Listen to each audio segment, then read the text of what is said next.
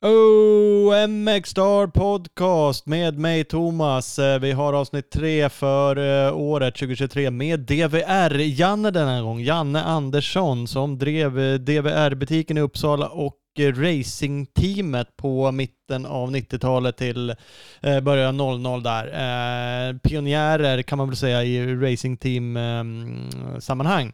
Så att eh, kommer alldeles, alldeles strax. Avsnittet presenteras av vår partner Big Balls MX. Vill du vara som Justin Barsha och köra senaste modellen av GasGas, då är det läge att kontakta Big Balls, M- Big Balls MX nu. Beställa din 2024 GasGas. Eh, kontakta dem enklast skulle jag säga via sociala medier, Instagram eller eh, Facebook. Eh, men de har också en hemsida, bigballsmx.com, där du kan kolla in allting.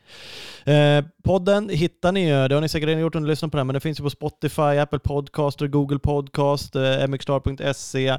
Eh, så att det, ni eh, hittar den på flera olika ställen. Passa på, följ oss gärna i de olika poddapparna, prenumerera så att ni får uppdateringar när det kommer nytt. Det blir vi eh, väldigt glada av om ni gör. Som sagt, alldeles strax ska vi kliva över till Janne Andersson och rulla igång och han är ju som ni kommer få höra, ett Metallica-fan. Så att vi river väl lite gammal hederlig Metallica här som eh, intro.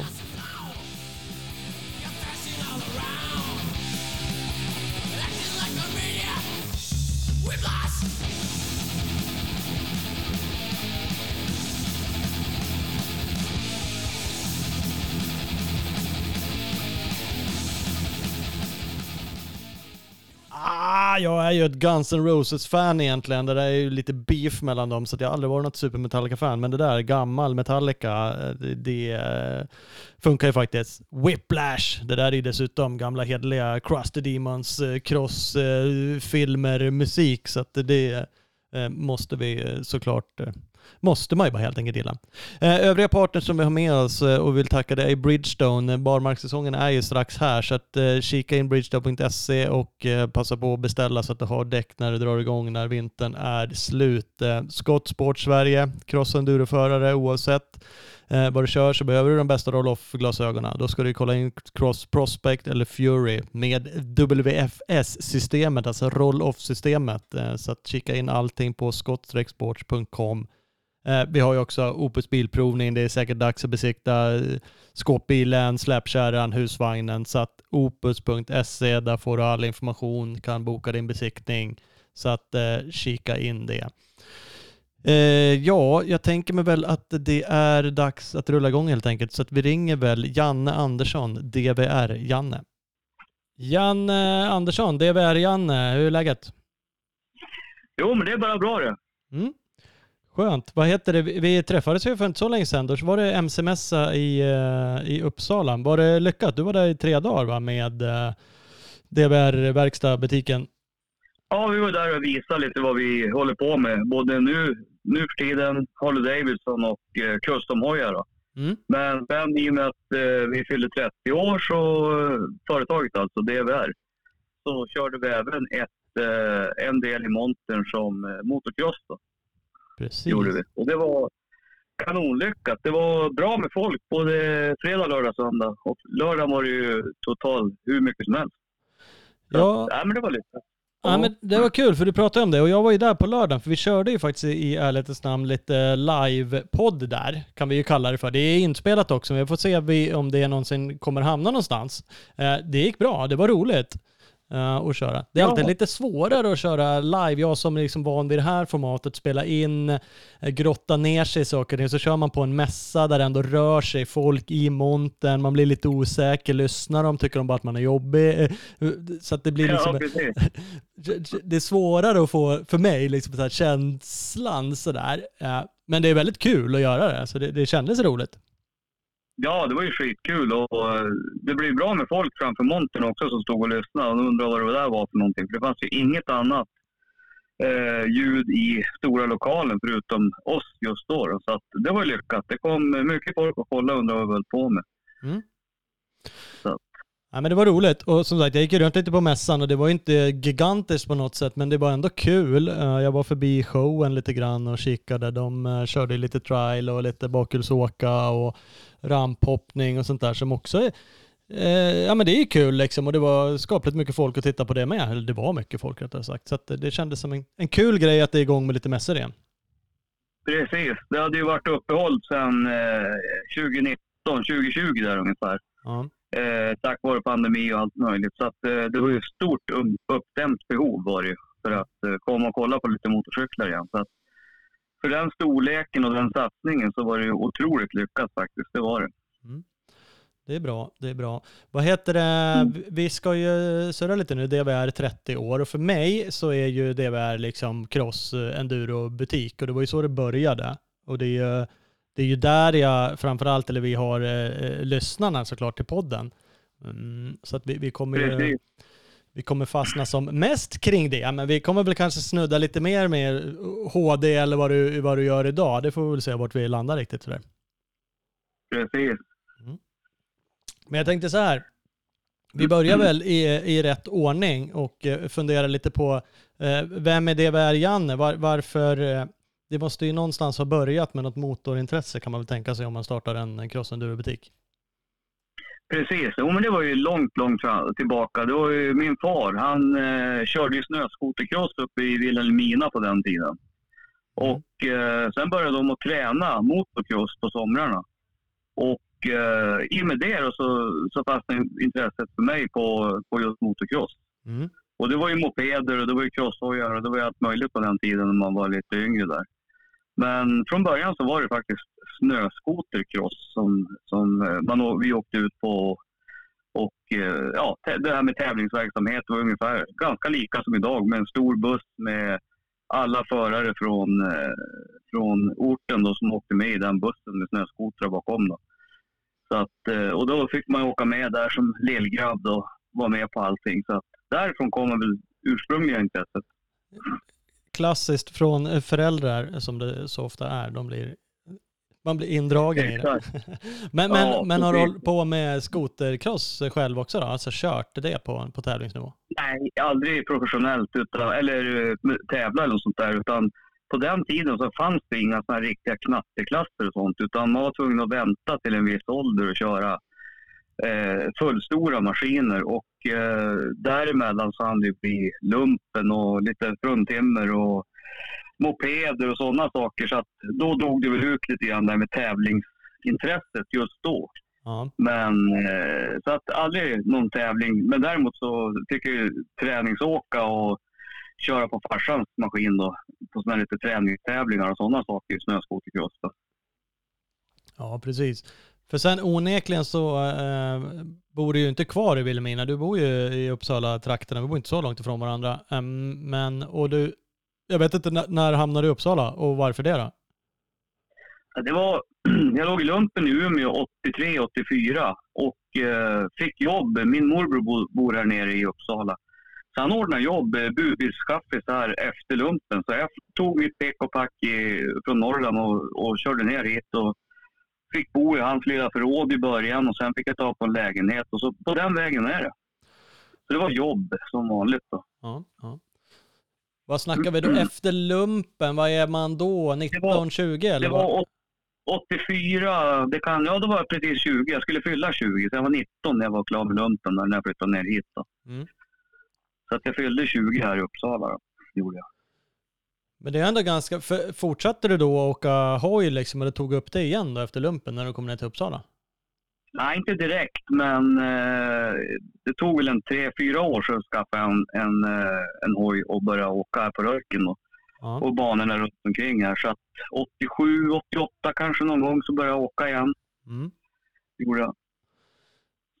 Eh, ja men det är ju härligt. Men, men vad har du varit på för nivå då? För då har du som sagt, du bommade du i någon form av, eller körde du jättemycket innan lumpen så att du harvade liksom Sverige runt och raceade då som junior, ungdom eller?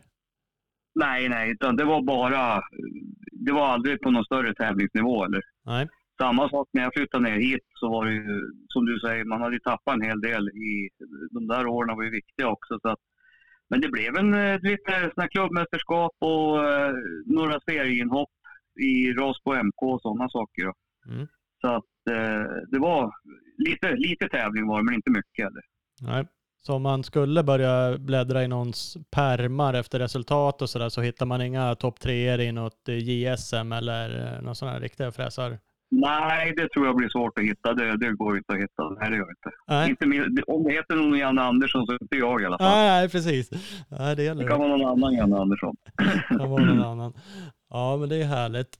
För sen så, men, men då är det där, för då kommer vi liksom någon gång där till, eh, för det, det var inte supergamla, det var ju du och eh, Hägglund va? Björn Hägglund som drog igång butiken, eller hur funkade det? Va, vad hände där liksom? Från att åka lite Precis. till att starta butik, eller vad var? Det var ju så, här i Uppsala så föll det ju bort en del motocrossbutiker och, och tillfällen att handla på. Köpa delar till hojarna och sånt. Så det, var, det var faktiskt helt dött. Det fanns ingenstans att handla under 92 där, 93. Så att då föddes ju idén, jag och Björn Hägglund. Och vi, vi sa det, vad fasen, Sveriges fjärde stad, vi måste kunna starta en crossbutik och börja sälja grejer och leva på det. Mm.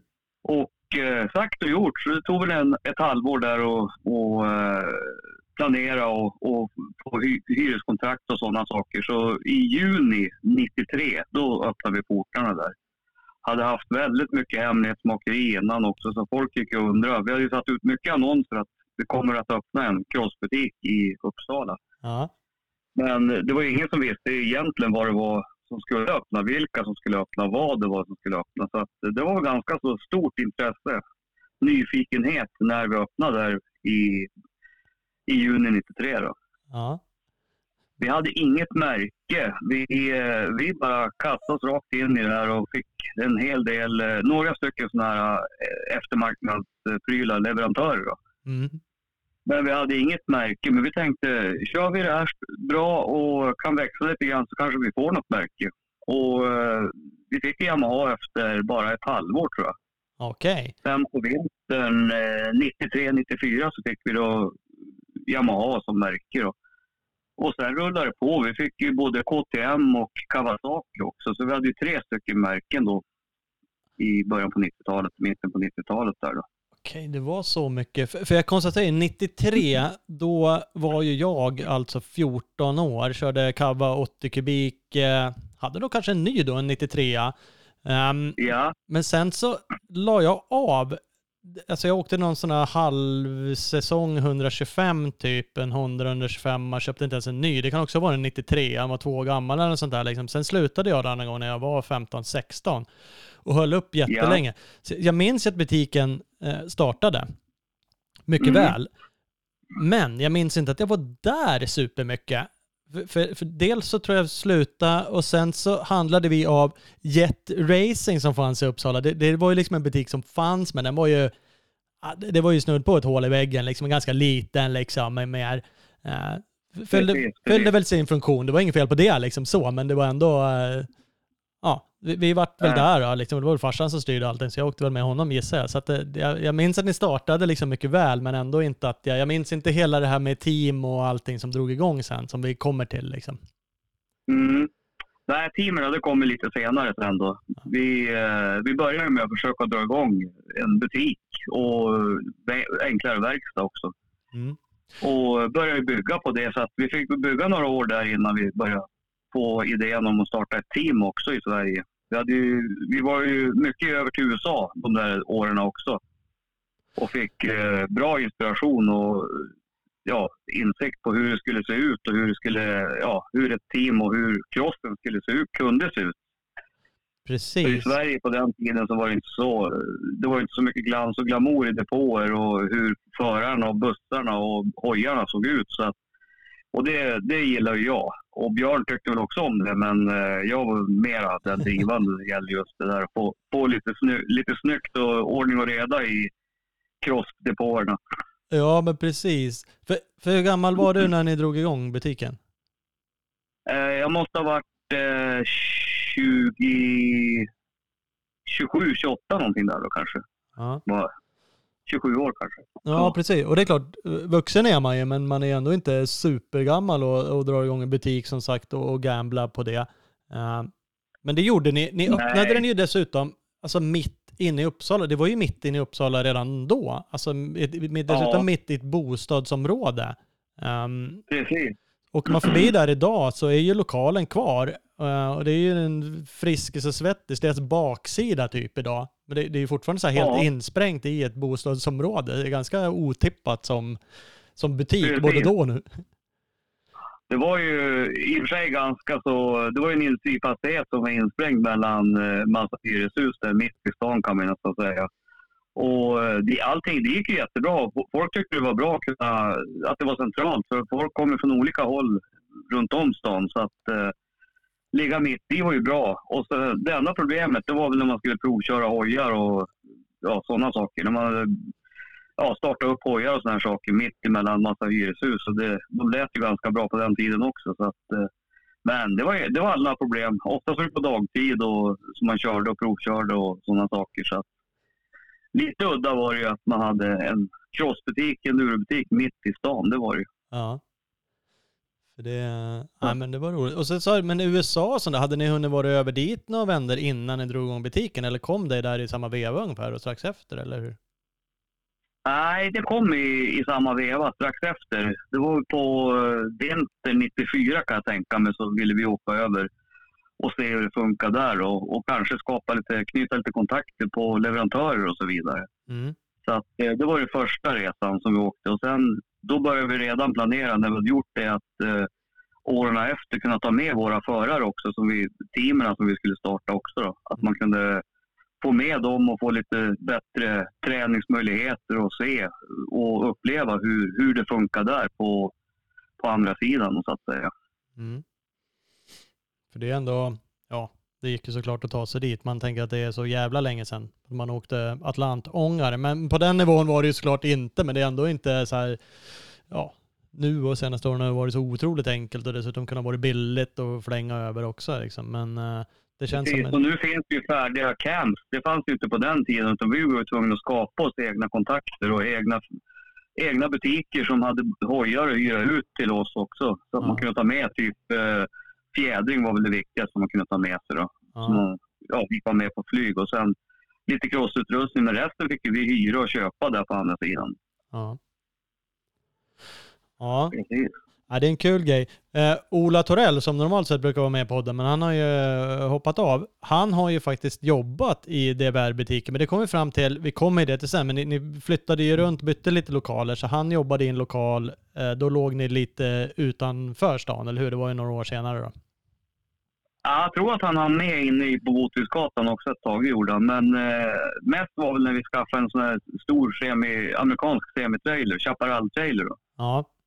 Så då var han ju då var han med och jobbade. Då, då höll vi till i en eh, gammal nedlagd bensinmack strax norr om Uppsala. I Högsta hette den byn. Ja, just det. Och, och då kom ju Ola med mycket in där och var med för att det skulle ju roddas varje, varje helg vi åkte ut så skulle det roddas på torsdag, fredag, lasta buss eller eh, trailern full och sen på måndag morgon och måndag så skulle det lastas ur in i butiken igen. Så att det var ett otroligt jobb och det var ju Ola med mycket på också. Vi ska lägga ut någon bild. Jag hittade någon. Det var ju ganska dålig kvalitet i sig, men på eh, en gammal hemsida där han är otroligt ung eh, och är med på bild.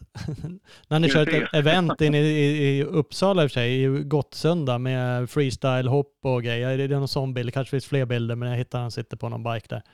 Eh, så Precis, det... jo det, det var, hade vi också, gjorde vi lite grann där. Och eh, då hade vi Fredrik Hedman med i teamet lite grann också. Och eh, han hade redan då börjat showhoppa lite grann. Så vi byggde upp ett stort, eh, en stor eh, både uppfart och, och, eh, landning i, i grus på den tiden. Det fanns ju inga sådana stålramper som de gör idag. Så att, eh, och så hade vi trailern stod, inte under, men snett under så att det såg ut från sidan som att han skulle hoppa över hela trailern också. Då. Ja. Så, det var ett så roligt evenemang. Det var ju någon sån här Gottsunda-dagarna så att det var otroligt mycket folk ute i, i centrum, runt centrum där den dagen. Det... Och eh, ett, ett, minne som jag har det var att han hoppade lite för långt, eller ganska mycket för långt vid ett topp där. Ja. Och landade ju platt efter landningen då och eh, slog igenom och tappade hojen. Så den höll på att åka rakt in genom dörrarna i Gottsunda centrum där, motorcykeln. Så det, Men det klarade sig. Allting gick bra. Det var ingen som ble, gjorde illa sig eller någonting. Det var ingen i närheten heller. Så. Men det var en sån grej man kommer ihåg i alla fall. Hedman bara, upp igen bara, nu kör vi. Jajamän, han gjorde illa, jag tror han gjorde illa händerna lite grann. Arm, äh, vad heter det? Handlederna. Ja. Men eh, nej, men han upp igen och så körde han hoppa de, alla de utsatta tider som, man skulle hoppa. Så det var lite kul. Det, när i tiden var det där? Minns du vilket år? Eh, jag ser här när jag sitter och kollar på sidan att det borde ha varit i år 2000. 00 ja. var det nog. Mm. Ja, det var det. Ja, du ser, du ser. Ja, men då, då har vi hoppat lite. Men det är roliga grejer eh, det där, onekligen. Jag minns faktiskt, vi drog igång ett team eh, 2009, 2010 där. Då pratade jag med lite folk eh, och, och, bland annat så hamnade jag hos, nu kommer jag inte ihåg vad han hette, men som höll på och roddade lite med Gottsunda gallerian där. Han mindes det där. Eh, och liksom bara, ja, ja. vad fan ska vi köra något sånt event? För jag ville liksom hitta någon galleria, någonting att vara i och stå och presentera teamet och lite sånt där. Så han bara eldade på liksom om, jag gissar att det var det där eventet i alla fall. Ja, ja men det måste det ha varit. Det är väl det enda jag vet som har varit eh, alltså motocross och hoppa ute på parkeringen och sådana här saker. Det var nog det som vi körde då. Ja, var det. då var det liksom eh, tio år senare så bara minns man det där och liksom, det var kul. Precis, precis. Ja, men det, det är skönt. Eh, men om vi backar lite, så det tog något år innan ni var över till USA, men det var ju ändå så här butiken drog igång. Jag minns också de få gångerna jag var där just att det var lite så lounge-feeling och det rullade lite crossfilmer och det där var ju liksom VHS-tiden och innan YouTube och allting så det där var ju ändå rätt så coolt. Man stod där och tittade liksom. Det, det fanns en, ja, en vibe över butiken som inte bara var kränga prylar liksom. Exakt. Vi hade ju två, alltså, två olika lokaler i samma fastighet. Så att I både den första och den andra lite större lokalen så hade vi eh, redan från början så hade vi, det skulle vara en fikahörna, en schysst fikahörna. Och just det där med att det skulle vara kroppsfilmer som skulle gå där hela dagarna för att folk ja, kände sig lite välkomna och kunna sitta och hänga. var, var en viktig del också tyckte vi. Ja. Så att, eh, vi beställde och köpte filmer. När vi var i USA köpte man, man fick köpa filmer då, VHS-filmer. Och de var ju omåttligt populära i och med att eh, de, ofta fanns de inte i Sverige när vi kom hem från USA. Så vi, de var första ställen man kunde se de här populära filmerna som var ju oftast på, i vår butik. Då. Ja. Nej, det, där, det, det, det, är liksom en sån där grej man minns. Och sen minns man eh, skrikiga klistermärken neonfärger, alla möjliga. Det fanns liksom ingen så här, våran logga är eh, grön, utan det var loggan är det här kanske. Men, ja, precis. Mm, precis. Det skulle vara fluorescerande för att det ska synas i, i, på en crossbana ute i skiten. Då måste det vara fluorescerande tyckte vi. Så att eh, alla, alla dekaler vi gjorde och tillverkade och beställde, det var ju med olika färger i fluorescerande. Ja. Att, det där känns som sagt, jag var ju så ung, jag har ju svårt att avgöra liksom om det var allting bara var supernytt. Men det liksom kändes, det fanns ju så här, klistermärken var ju lite hetare då kanske, för man hade inte dekaler på samma sätt. Så man gillade ju det där. Men, men, men, just när de kom som stack ut väldigt mycket, i alla fall för att vara en butik tyckte man ju det liksom, att det här är ju... Det är ju samma idag så kan du beställa till en hoj kan du beställa ett helt eh, ja, specialgjort skitsnyggt eh, eget dekalkit till hela hojen. Mm.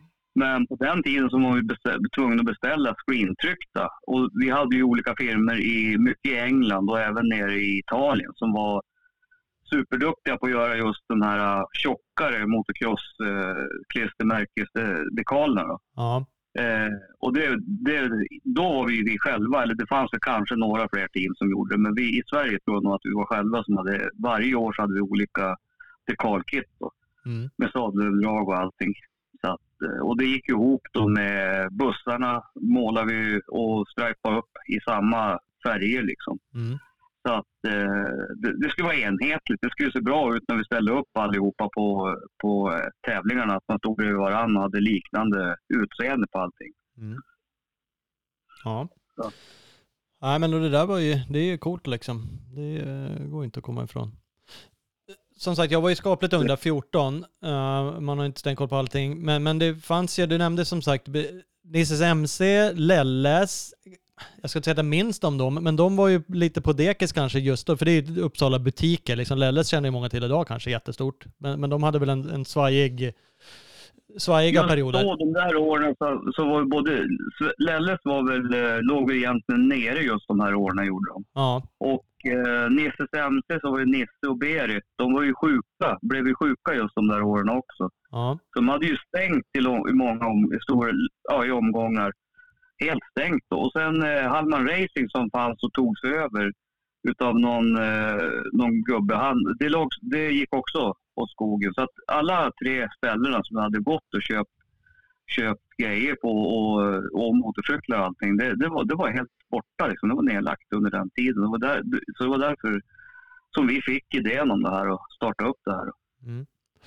Var, gick det liksom superbra direkt? För det är också lätt att minnas när man var liten. Man bara åh, vi var hur många som helst. Det var fulla startgrindar, 80 kubik och det var 30 stycken, 40-50 på KM och bara ute på vischan där jag är uppväxt liksom var vi ju 10 stycken som började åka hoj sådär i 10-årsåldern liksom. Random människor. De flesta slutade efter några år liksom. Så var vi några som höll.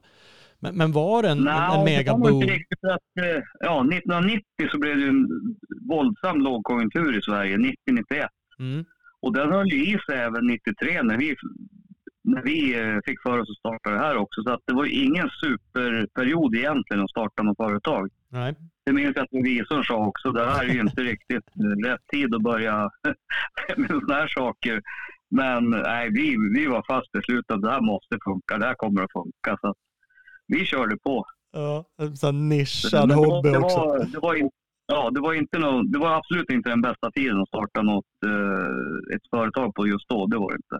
Nej. Men samtidigt, om man startar eh, dåliga tider, klarar man sig då så går det, borde det bara gå bättre när man, ju längre tiden går så att säga. Ja. När eh, högkonjunkturen kommer och sådana saker.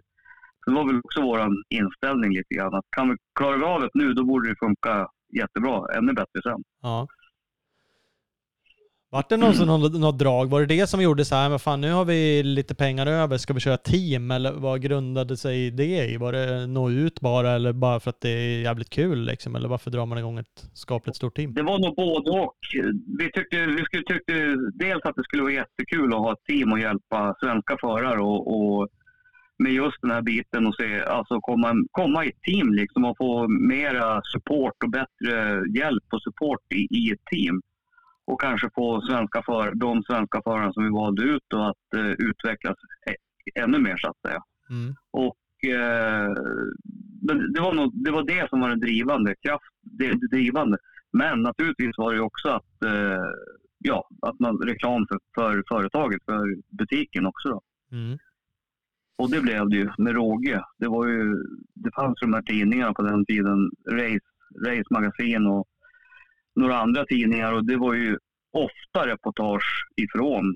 När vi, dels när vi var ute på banorna och dels från våra förare och de representerar oss bra och visar våra loggor hela tiden som, som man tyckte att man skulle göra. Och även i butiken så var det ju reportage lite då och då också från de här tidningarna.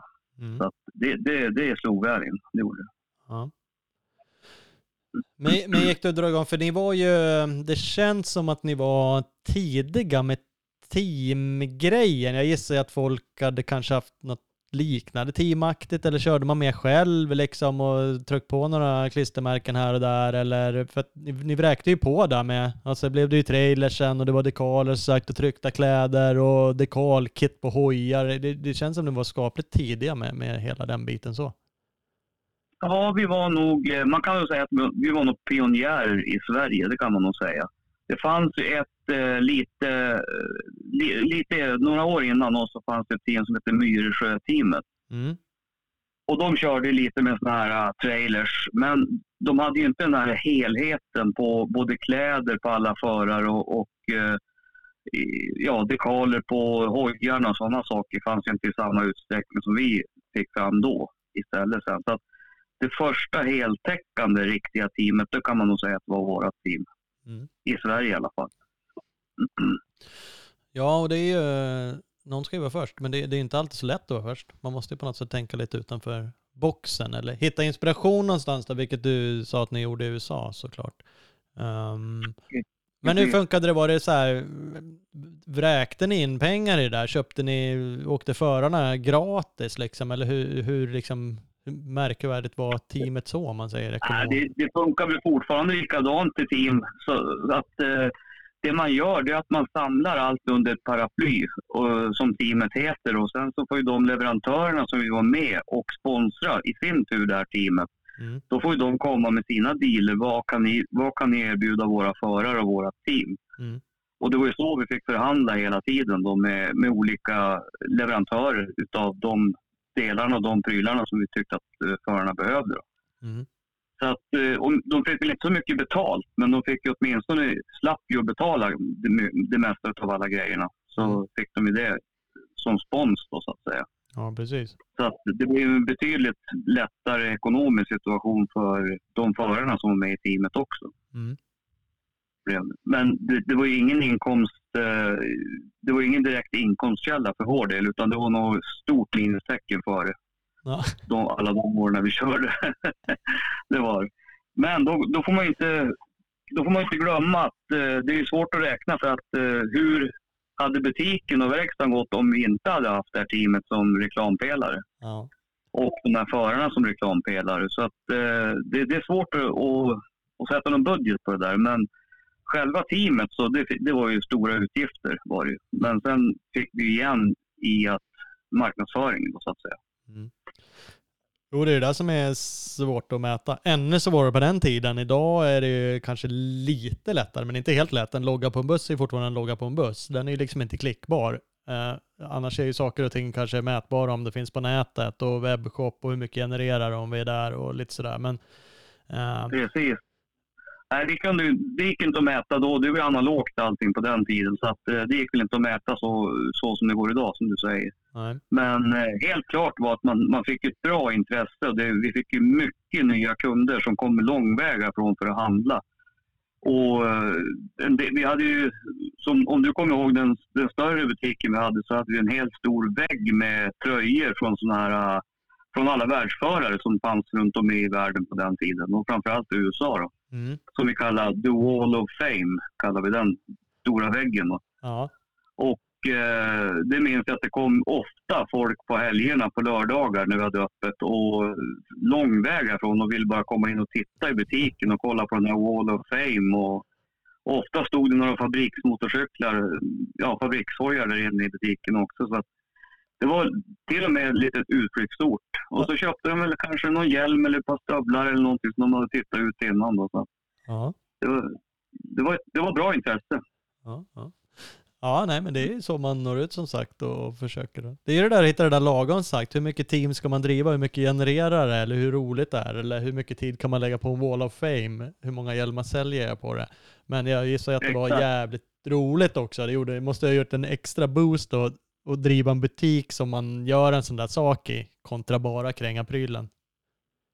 Ja, vi hade ju otroligt kul, det hade vi. Det var, ja, det var ett minne för livet alla de här åren som vi körde faktiskt. Det var, och bra, bra lärdom, mycket nytta. Vi fick ju otroligt mycket kontakter ute i världen också på att köpa och eh, utveckla och vara med i utvecklingen också i, ända upp i fabriksteamen eh, fabriks, till de som gör fabriksmotorcyklarna åt olika märken i, i världen. Ja, för, för när hände allt det där? Vi kan ju bara backa lite då. När drog liksom butiken 93? När började teamet, liksom, om man säger team, lite större? Inte bara sponsra någon förare, om ni nu gjorde det innan. Det var 96, eh, när nya modellen av Yamaha kom. Med lite, ja, lite blå. Den var blå på den, när den kom direkt där. Ja. Så man kan väl säga 96 då drog vi igång i stor, större skala med team. Vi hade ju sponsrat några förare innan då, lite mer eh, sporadiskt. Då. Men som ett riktigt DVR-team med egna, klister, e, egna dekalerna och egna kläderna och allt sånt där. Eh, strajpa bussarna och allting. Det var nog 96 som vi startade det. Ja. Och Eh, ja, och något år senare då så, eh, 97 tror jag det var, när Jocke Wanström vann SM. Eh, så eh, då hade, jag, hade jag även fått kontakt med eh, Giorgio Foy som drev eh, Magic Bike-teamet på den tiden i 125 och 250-klassen. Mm eh, italiensk. Och han hade ju allting, tog, alla motorgrejer, allting tog ju han direkt från Rinaldi som började då blomma upp som IRRD, Yamaha, Yamaha Rinaldi Racing Development stod det för. Så att eh, jag hade ju en direkt kontakt rakt in i Rinaldi, ja, Rinaldi-företaget och kunna köpa och eh, marknadsföra Rinaldi-grejerna direkt ut till slutkund som ingen annan hade i världen vad jag vet i alla fall. Den är ganska bra, för då var det, det var ju Jamma i team, var det alltid Jamma i teamet? Genom alla åren? För ni fick ju flera märken sen sa du, när det Kava och KTM också. Nej då, vi hade även, vi hade även eh, Kawasaki hade vi en tre, fyra förare på. Och eh, på KTM hade vi ett par förare också. Vi drev även ett enduro-team, så att vi hade en hel del enduroförare. Typ eh, tre, fyra stycken enduroförare hade vi också. Ja, okay. Så, och så var det några knattar då. På den tiden var det ju Mackan Norlén och lite andra små, små grabbar som körde. Med likadana bussar, stripade och likadana kläder och dekalerna och allting. Så det var en hel del teamåkare så kallade. Med olika, alla hade olika, de var olika valör på förarna också. Och naturligtvis hade de egna kontrakt alla för olika förarna. De var inte lika allihopa, men de såg lika ut gjorde de. Ja. Så det var Kava och KTM också. Så, så teamet var liksom, det var, det var DVR butiksteam men, men på lite olika märken. Så ni var inte 100% knutna så, liksom teamet är ett Yamaha-team eller utan det där... Nej, precis. Men vi hade ju, vi hade ju olika, det var ju olika deals för, beroende på vad man körde för hoj och i vilken klass, hur, hur pass duktig man var och, sådana, och så vidare. Ja. Precis. Men vad, vad har vi, minns du, minns du alla förare om jag säger så? Du behöver inte rabbla upp dem. Skulle du kunna rabbla upp dem? Nej, det gör jag nog inte. Men eh, är det någon som rabblar upp dem så då, då minns jag dem. Jag minns inte själv alla vad de hette. Utan det, det, det var väl de här uh, vassaste som man kommer ihåg mest. Då. Ja. För, för som sagt, det började 96 sa du och 90 97 då tog jag Jocke Wanström SM-guld i 125. Men han var inte med första året då, eller var han med från början? Jo, han var med från, från början, det var Ja. Så att, eh, men det tog något år där som, innan han fick till allting så att det, så att det blev SM också, SM-guld också. Mm. För det är ju ingen Uppsala-förare så vad jag vet, utan det, det var inte så. Ni, ni plockade liksom, vi vill ha toppåkare vi plockade från hela Sverige kan man säga, gjorde vi. Ja. Och, och erbjöd eh, intresse, gjorde man på höstarna inför nästa sommarsäsong. Då. Mm. Och, eh, så det var, ju mycket, det var ju många förare som, all, som inte åkte för oss någon gång, men som var och testade på, hos oss på Rörken, olika banor som vi hade. Då. Mm. Och, eh, och, och ville veta och ville få någon typ av deal. Och så fick, ja, fick man ju försöka smida fram en deal. Då, men så att det är jättemånga som, som har varit och provat och testat med oss, men som, in, som det inte blev något av olika anledningar. Mm. Men, så Ja, för jag, så, jag har inte heller stenkoll på alla förare och sånt där. Jag tror jag fick fram, det kan också vara Jocke Wanström, kanske redan 95, något SM-brons i supercross. Det fanns faktiskt en sån serie då under de där åren. Uh, ja, precis. Och, så Jocke Eliasson, han tog väl några supercross också tror jag. Han tog väl någon EM-deltävling eh, e i supercross i Finland vad jag minns. Ja. Och eh, sen hade hans lillebrorsa Patrik Eliasson var ju med också. Och sen eh, Stefan Andersson åkte ju många år för oss också, gjorde han. Ja, just det. Sen hade ju Marcus Norlén då, som började i... i han, han började som 65 kubiksåkare hos oss, gjorde han. Okej, okay, så var där det kanske drog igång? Det fanns inga fem? För honom var det nog det. Ja, det var det. Det var ju 65, då fanns ju bara Kawasaki 65. Sen körde ju Kawasaki 65 eh, för oss. Ja. Och sen blev det ju Yamaha 80 kubik då, när han kom upp i den storleken. Låghjuling då.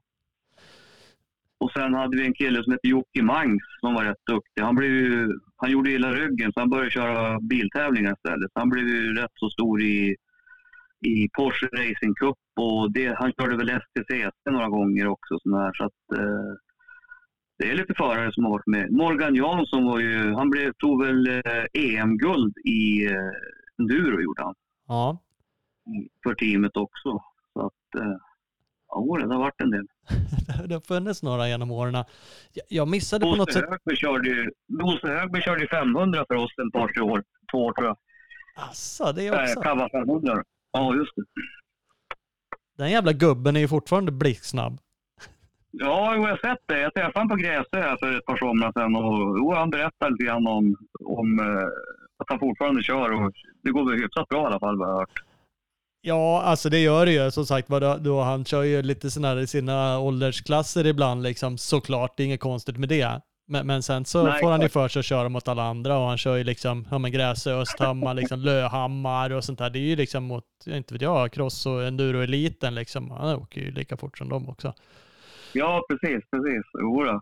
Han verkar ju vara fullständigt hjärndöd tänkte jag säga. Det kanske är fel, men han verkar ju bara helt kunna koppla bort det här liksom att bli gammal och rädd som en annan blir, eller i alla fall lite återhållsam sådär. Det, det verkar inte existera liksom. Pratar man med folk fortfarande, då, han är den första liksom. Står det en ramp i en grusgrop, där bara fan titta, undrar man kan hoppa in där. Hoppar han före. Ja, Spelar ingen roll om liksom 16-åringarna där. Han är den första som hoppar. Typ. Ja, titta det gick bra.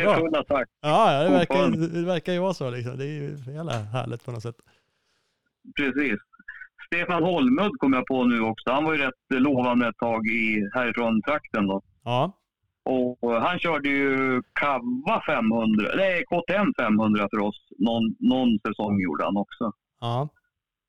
Jodå. Men det, om man backar till Mackan Åhlén, men det kanske var senare, för visst var du ute och skruva lite med honom, men kom det sen några år senare, eller var det där i början också? Ja, jag var ute på vintrarna när det var väldigt låg säsong i, i Sverige så började jag åka med olika team och, eh, och som mekaniker då, på typ eh, december till februari, mars ungefär. Mm.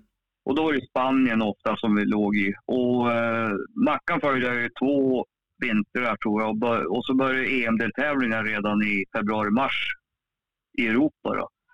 Så då var jag med på EM-deltävlingarna fram till eh, jag tyckte att det var dags att åka och köra i shoppen 100 procent i, i butiken och säga tillbaka. Så där var jag med honom och skruva några, några vintrar också. Redan på 80 kubikstiderna eller var det 125? Eller när var... Nej, då var det på 125 kubikstiden var det ja. när, när, han körde. Mm. Ja, precis. Sen ett år så hade jag dubbla förare som jag meckade åt på vintern och då var det Krilleberg också som var med i, i det teamet som jag skruvade åt då. då. Mm. Precis, det måste också, var det, det var inte ert egna team då, utan då hjälpte du ett annat team?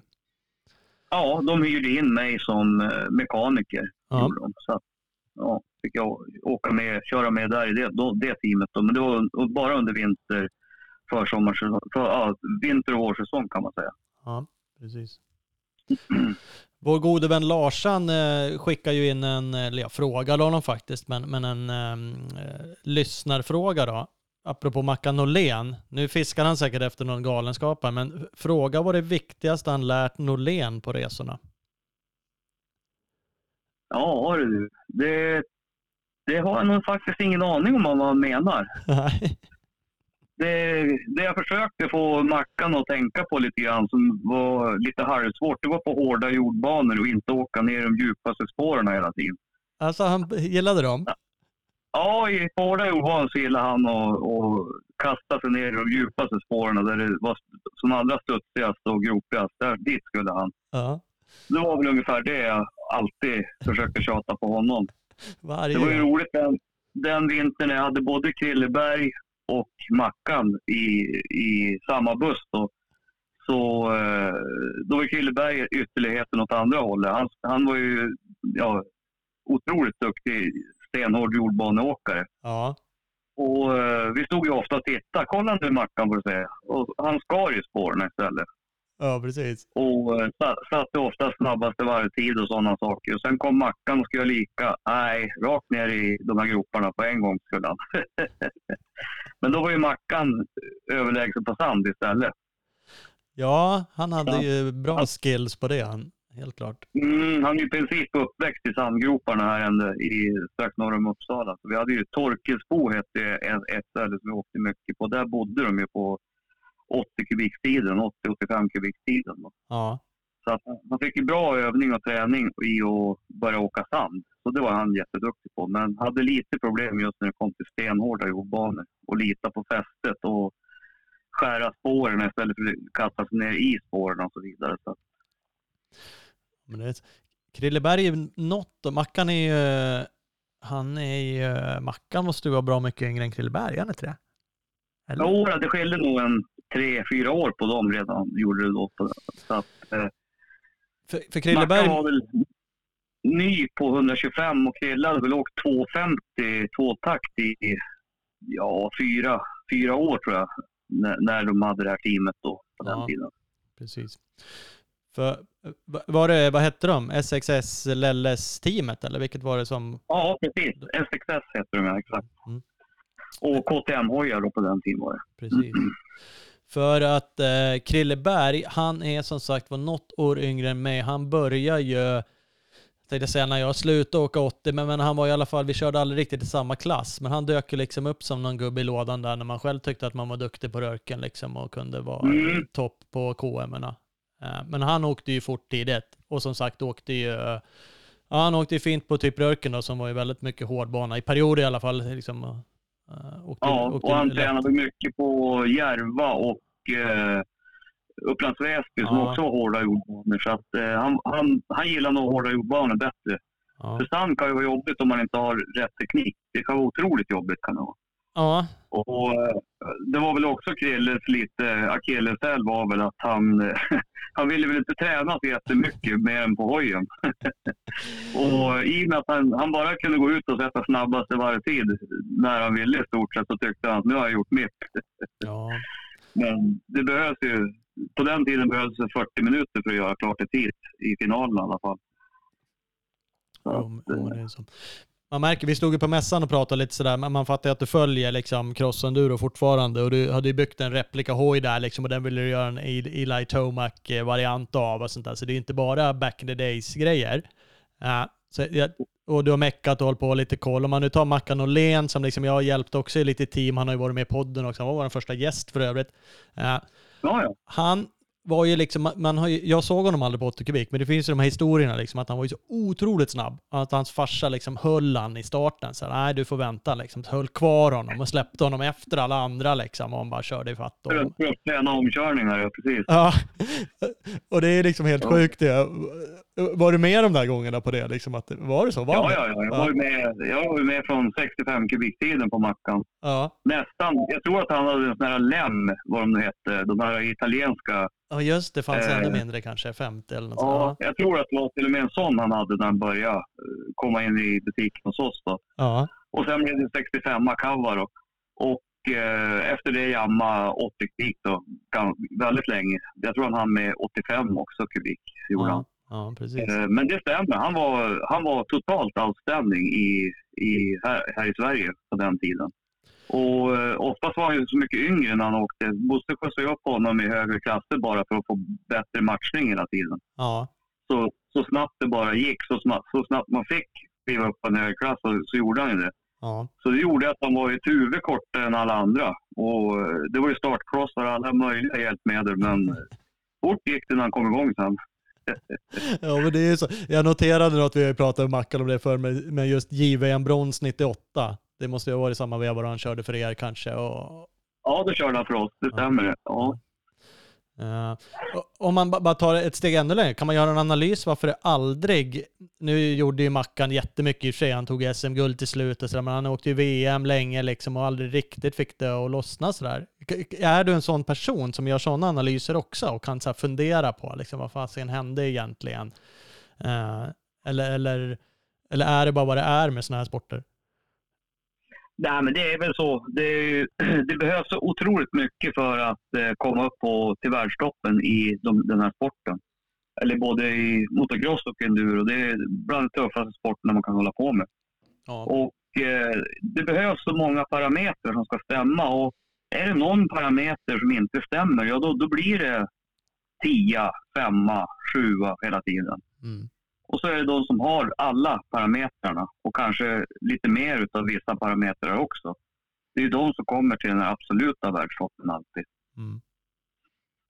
Men Mackan han var otroligt träningsvillig. han tränar ju... När, han, när vi har varit och kört en hel dag så in och käka pasta eller någonting och, och så sen på med viktbälte och så ut och springa en timme eller två. Mm.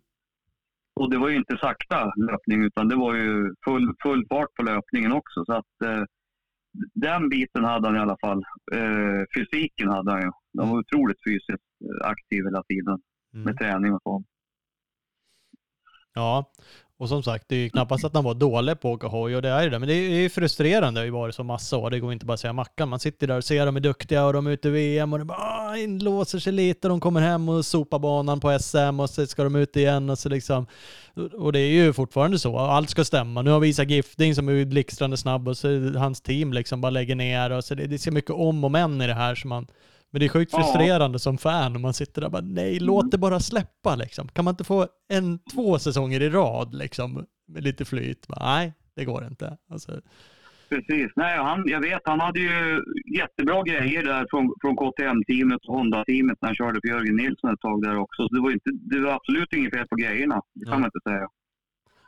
Så att, eh, men det, är- det är de här alla parametrarna som måste stämma. Och, eh, sen kan man otur eller otur också komma i rätt tid med, vad det gäller konkurrensen. mm, Så att, eh, jag tror att när han, de, de klasserna som han hela tiden åkte så var det otroligt tuff konkurrens.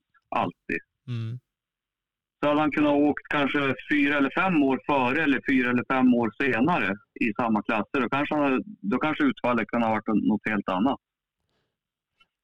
Det kan ju verkligen vara så. Jag minns som sagt Mackan när han var ute och åkte VM som mest där och jag hjälpte honom lite med någon hemsida då så jag liksom pratade mycket med honom efter tävlingarna i alla fall och då var det ju tidskval under den tiden. Det, det kändes inte som det var Ja. riktigt hans grej. Ja, så han liksom hade svårt att kvala in. Och så gick det väl bara så här, om det var året efter han bestämde sig för att inte åka VM längre.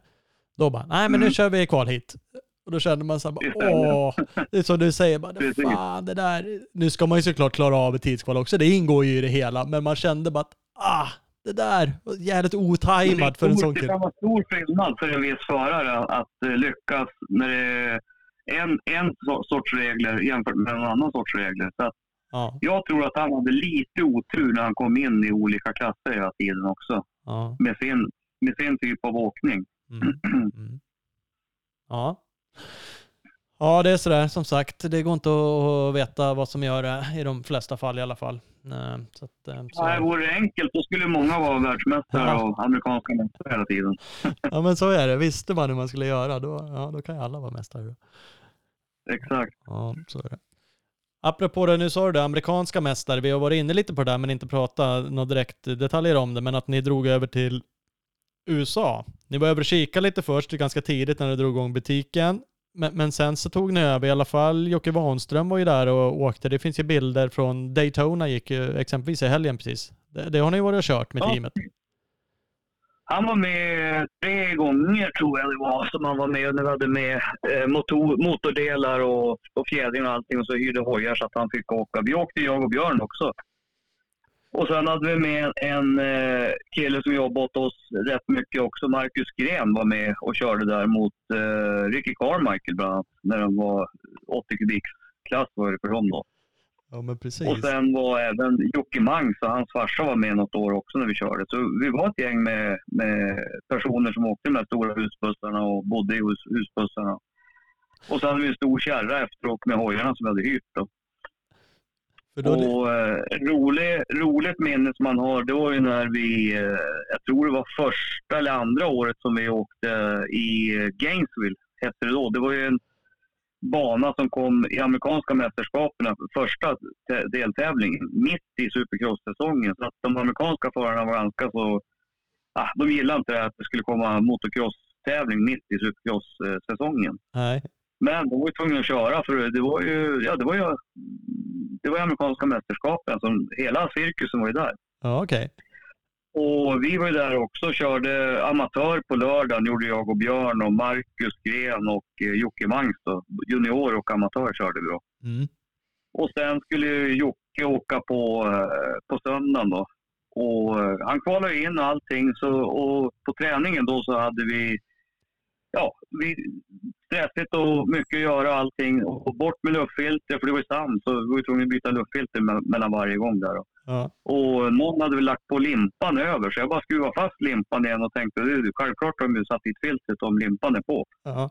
Och eh, han drog ut och körde sitt, sin andra träning och eh, riktigt bra. Det gick fort som bara den och eh, han kvalade in till finalerna då. Med, den, med de tiderna som han satte då. Problemet var ju bara när han kom tillbaka sen så hörde vi att motorn lät ju inte riktigt kry. Så bort med allting och skulle börja byta filter och gå igenom allting. Och då såg vi, då satt det inget filter i. Så att, eh, då, då hade ju motorn dragit i sand. Så att det var ju total renovering. Och då, teamet BSI, Beach Sport Cycles Yamaha, som, då, vi stod ju med dem. Så de, bara, de suckade ju gubbarna där, för det var ju det var ju en helklyvning och byta vevsläng och ramlager och cylinder och allting. Liksom. Ja. Så det var en rolig anekdot då. Men han kvalade in och gjorde bra resultat faktiskt i finalen. Så jag kommer inte riktigt ihåg vad han blev, men i våldsamma hopp där. Och eh, hoppar man som en europé i amerikanska eh, serierna, då, då tappar man säkert en halv sekund eller en sekund varje gång. Ja. Men jag tror att han blev nog, eh, var det 30 start eller 40 start? Jag tror han kom i mitten i alla fall, gjorde han, i 125 Ja. pro, provklassen. Och sen året efter kom vi tillbaka igen och då hade vi med oss ännu bättre grejer. För då hade vi fått lov av Rinaldi att ta med Rinaldi-prylar.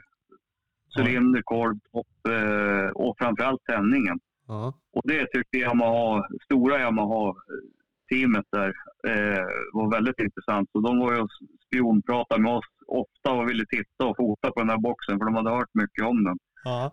Och eh, då eh, kvalade han också in så i första starten, det var ju två hit på den tiden då. Så i första hitet i starten så tog han faktiskt starten med den där YZ125. Och det var ju också ganska så, ja, rolig, rolig grej att komma ihåg. Hur han kom först in i första böjen där med bland alla proffsteamen. Men det är det ju onekligen. Var det också i Gainesville eller Florida där?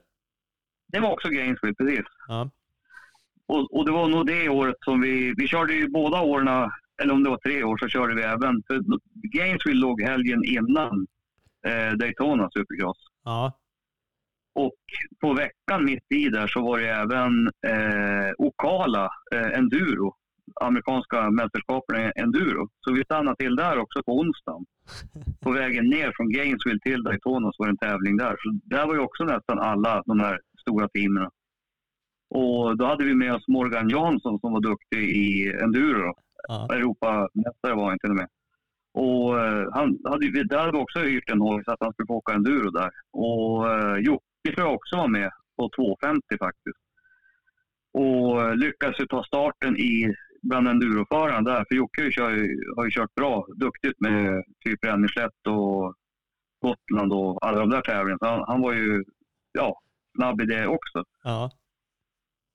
Så att, eh, men de slutar väl kanske samma sak där i mitten. Det är svårt att komma och hyra grejer. Och, eh, och det var ju väl egentligen ingen satsning att försöka vinna något utan det var ju mest för att en rolig start, uppstart på säsongen och att de skulle få en bra träning mitt i vintern. Där. Ja.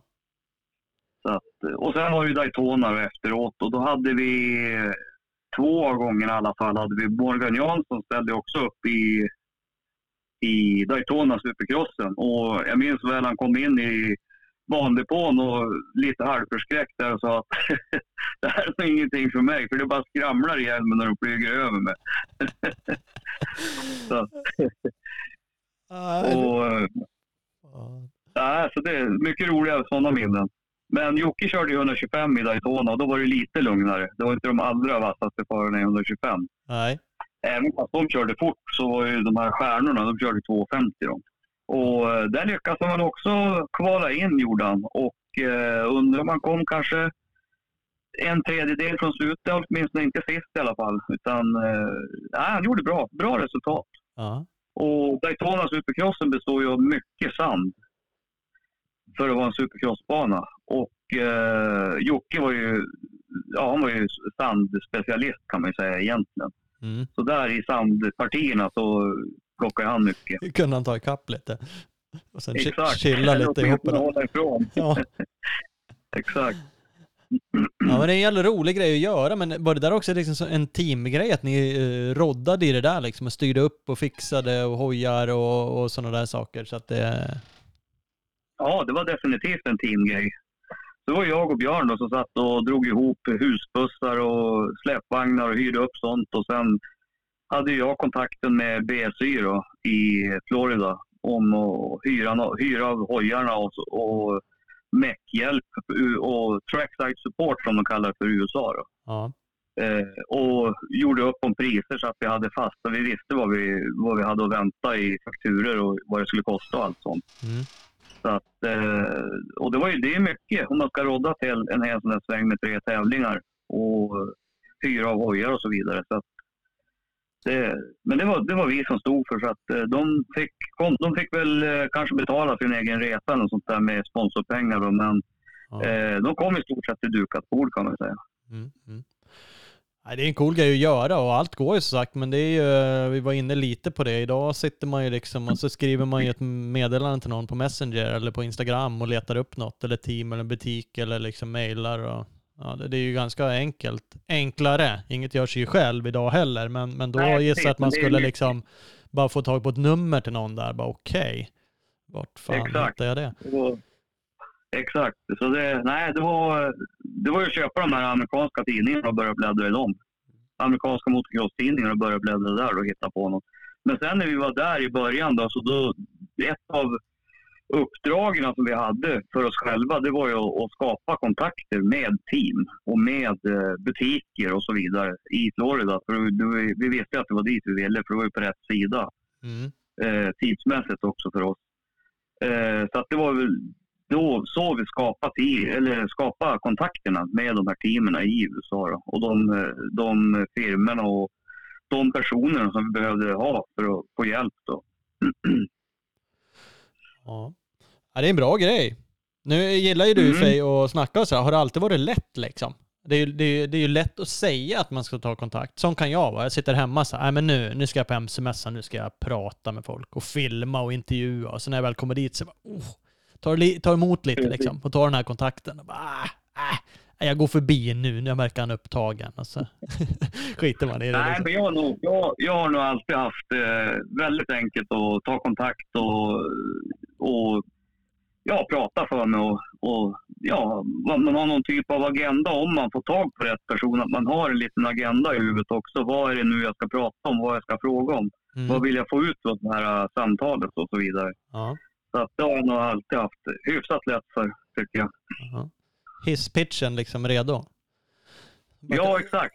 Ja, ja men det är, ju- det är ju viktigt. Alltså det där är vi har ju jag och Ola i massa år pratat om det där i podden och liksom man, man kan, det är lätt att sitta och tycka och jaga sponsorer och man, fasken hur fan kan de göra sådär liksom och folk tar inte kontakt eller de är dåliga som idag på sociala medier och allt vad det nu är. Men som sagt, det, det kräver ju någonting allt sånt här och det kräver ju en viss del mod och tänka till då som du, Ja. förbereda sig och liksom, det är en Ja, jäkla hel... precis. Det är väl som med allt, i stort sett allt. Även åka hoj och bli duktig i hoj så är det förberedelser hela tiden som är viktiga. Ja. Att man har rätt för, förberedelse och vet vad man vill med någonting. Mm. Att man har gjort en plan, som- som det heter idag. Ja, men visst är det så. Visst är det så. Du nämnde Marcus Gren, Macke Gren. Han jobbade ju i butiken och han, han eh, nämnde också Gainesville. Och han, det där Carmichael-historien har man ju hört från honom några gånger, att han har stått på samma start som Carmichael. Uh, Exakt. nu vart han kanske varvad en eller två gånger. Men det hör ju inte till. Nej, bara att man har varit med i samma hit Ja. eller i samma tävling. Det är ju rätt störigt, typ innan han blev eh, stor tänkte jag säga. Han var väl en duktig på den tiden, 80 kubik också som det kanske var då. Men... eh, Och det var 80, 80 kubikare körde de på den tiden. De, Ja. eller de fick ju åka 100 då. Ja, just det. I, i höghjuling eh, så fick ju de åka 100 kubik, men vi hade ju bara, bara 80 kubikare med hög och låg hjul. Då. Ja, då var det Så därför. Lite, lite mer, eller ganska mycket mer moteffekt var det i, i de som körde, som, som var amerikaner och körde eh, ja, junior då på den tiden. Så de fick ju åka 100 kubikare höghjulingar. Det var ju likadana motorcyklar fast det var större, lite större cylinder då. Ja, de har någon sån här supermini eller vad de kallar det idag. Eh, Ja, det kanske är något sånt där Ja. de heter. Precis. Men- Men han berättade eh, om eh, din, din upplevelse av Gainesville ett av åren där. Du lyckades bli med på, på en film. Förhoppningsvis rullade den i butiken sen. Ja visst, det var ju Axo som hade, klädmärket Axo hade ju egna filmer hela tiden. Jag tror de kom, släppte en par, tre stycken per år. Ja. Och de var ju otroligt populära för det var ju dels så, så det var det mycket tävlingar och det var ju klipp men sen så hade de även intervjuer hela tiden med sina förare som var sponsrade av Axo. Och de var ju jättestora på den tiden. Det var ju nästan till nummer ett kan man väl säga. I alla fall i USA. Mm. Och eh, på en av filmerna så när vi var i USA så hade de köpt hem de här filmerna efteråt. Och det var väl några, några av våra åkare som ringer till oss, till mig och säger att vad fan, du är med på en av filmerna, nya Axo-filmerna. Ja. Eh, Så långt in i filmen så man fick ju spola fram och titta. Ja, då var det ju båda gångerna som jag åkte där så var det ju, båda åren så var det ju eh, otroligt regnigt på lördagarna. Så det var ju bara en smet av allting. Det var ju lervälling utan dess like. Och, och så var det någon som bromsade i en nedförsbacke precis före mig. Så var jag också tvungen att dra i hand, ja, frambromsen då. Och styr omkull och kör eh, hjälmen rakt i lervällingen. Och där fick ju, och hade sån här gul, fluorescerande gul eh, vindjacka, överdragsjacka. Och så stod DVR på hela ryggen där jättestort. Då. Ja. Så där var man ju med i, i den filmen också. All reklam är bra reklam. grej. Var det så? Med DVR? Ja, ja, all reklam är bra reklam, självklart. Man måste ju göra något för att få vara med. Är man inte snabbast så måste man göra en sån där grej i alla fall. Ja, precis. Hur ska man annars bli med på en sån där film? Det är ju ingen som bryr sig om man bara Ja. harvar runt på 25 plats liksom. Så det är ju... Nej, precis, precis. Så att eh, det var... Nej, det var bra reklamplats var det. Ja, ja. Nej, det kan jag tänka mig. Ja, men Mm. det är roligt sådana här saker. Ja, men då har ni haft lite sådana äventyr, USA-äventyr också. Ja, visst. Vi var. Vi var inne på, du sa som sagt Rinaldi-kontakten och sådär. Det är också jävligt coolt. Håller man på med cross eh, som eh, du har gjort, jag gör och vi, då vet man ju vad Rinaldi är och man tycker ju att det är skitcoolt. Pratar man trim, Mm. pratar man jamma så är det ju Rinaldi-jamma. Man bara säger ju det fast man kanske aldrig ens har kört den i hela sitt liv eller någonting. Men det är ju bara the shit liksom. Eh, Exakt. det, det måste ju ha varit coolt så. Som sagt, du var inne på det, ni hade det i USA och de tyckte liksom att, och ville också spana på vad det var för prylar. Eh, och ni tog ju hem, sålde ni till och med butiken? Fick ni göra så liksom, eller hur? Ja, visst. Det, jag, kunde, jag fick ju ta beställningar då, för det var rätt mycket pengar. Det var dyra grejer. Mm. Eh, så jag tog beställningar av eh, ja, folk som ville köpa sånt där till säsongen då, och även komplettera upp i säsongen. Mm. Och, och så fick jag kunna beställa då och fick hem till shoppen och kunde sälja ut kunder rakt över disk. Då. Eh, sen så köpte vi även så kallade färdiga fabrikshojar en hel del också till åkare i Sverige. Då Ja. som man kunde beställa och vänta några månader så fick man då en färdig, eh, rätt så rejält ombyggd fabrikshoj. Och eh, allra populärast var väl de riktiga fabrikshojarna som hade gått i VM med VM-chaufförer då. Eh, som vi fick köpa efter tävling. De körde dem i tre, ramarna gick i tre, tre tävlingar. Ja. Och sen efter tre tävlingar så fick vi, om vi ville, fick vi köpa dem precis som de stod. Och då, där fick vi en hel del såna här uh, riktiga så kallade fabrikare. Som ni sen sålde vidare liksom? Ja, hade de ett tag för uh, display och uppvisning och så sen hade vi redan kanske någon köpare på dem. Någon som köpte upp sånt här som var extra attraktivt. Då. Ja. Det var ju Bob- Moore-hojar och uh, Chiodi-hojar och Federici-hojar och alla de här toppåkarna under 25 på den tiden. Då. Och då var det ju tunnare ramar, eh, titan överallt och eh, naturligtvis Rinaldi-motorer med rör och ljuddämpare och tändboxar. Tändboxarna var ju special också. De var inte alls lika som de som såldes i Rinaldi-kitterna. Nej, så det var mycket special på dem. I, vid några tillfällen fick vi fjädringen också. Den var ju svårare att få med fjädringen. Då. Eh, men vid några tillfällen så fick vi, då- då hade kontrakten gått ut med Öhlins som de körde med på den tiden. Då fick vi även med eh, fabriks-Öhlins-kitterna också. Ja, Okej. Det där känns inte så vanligt Mm. idag. Att man kränger iväg de där det bikarna. Kanske- Nej, jag tror idag så säljs det ingenting. Utan idag går nog allting i skrotkvarn. För det är så mycket hemligheter i, i de här hojarna Ja. som de inte, inte vill få ut. Att det ska komma ut. Jag vet. Det där saknar man ju lite. Nu, nu som sagt spanar man lite, i alla fall i VM då, görs det ju lite specialgrejer. De har ju lite andra svingar, liksom lite längre, ibland lite olika ramar. Så att lite factory finns ju kvar. Men det känns som det var ännu mer back in the days, liksom special. Ja, special, det, anledningen är ju till att hojarna blir bättre och bättre. De har ju blivit så bra idag så att det behövs inte göras lika mycket som det gjordes förr. Nej. Man, man laborerar ju och testade och, och provade olika lösningar mycket mer förr än vad man gör idag. Mm. Så att, eh, det var ju mer fabrikssoj, som det kallas för, förr i tiden, än vad det är idag. Då. Mm. Ja, men det är så. O Ola nämnde ju faktiskt både 125 som uh, väckte grannarna där utanför butiken. Var det fabriksbikarna ni vrålade ur då eller? Ja, det var en av uh, eh, Magic Bike-cyklarna som vi hade fått hem. Och det var ju en uh, Bob Moore-hoj som han hade kört uh, sista tävlingen, deltävlingen i Holland. Ja. som vi fick åka och hämta direkt efter den här Holland-deltävlingen. Då. Och det var i samband med Vanström vann SM. Ja, så hade vi en fest efter det på Fyrishov och även inne i stan sen då. Så mellanlandningen från Fyrishov, relaxen och till vi skulle in till stan och käka på någon restaurang så mellanlandade vi på, på DVR-shoppen då. Ja. Och rullar ju naturligtvis ut den här Bob Moore-hojen för att lyssna hur fint den låter. Och det var, ja, det var ju mörkt ute och det var ju full gas på en gång på den där. Och eh, det var ju till och med så jag sköt eld ur avgasröret bak på den när varvstoppen slog i. Så det var fina toner inne i, in i bostadsområdet där. Ja. Och folk skrattade som skrek och tyckte att det var skitfränt ljud, skitfränt ljud in där. Den varvar ju lite, säkert tusen varv mer än en vanlig standard 125. Så det var fina toner. Det är klart den ska gå på full varv. Det säger väl sig själv? Ja, ja, ja. Ingen kommer ihåg en fegis. Nej, det är väl så. Apropå det, det var faktiskt också Larsan som sa någonting om festen på Fyrishov där. Vad var det? Fråga vad som stod på kvittot eller något sånt där. När Vanström hade Ja, men det är, det är också en gammal klassiker som folk eh, har pratat om må, många år. Och vi var nio personer har jag för mig. Och eh, det stod 98 stora stark och en hink jordnötter stod det på kvittot efteråt. 98 språk, det är ändå skapligt på nio pers. Ja, ja, det är ju snitt på 11 stycken per person.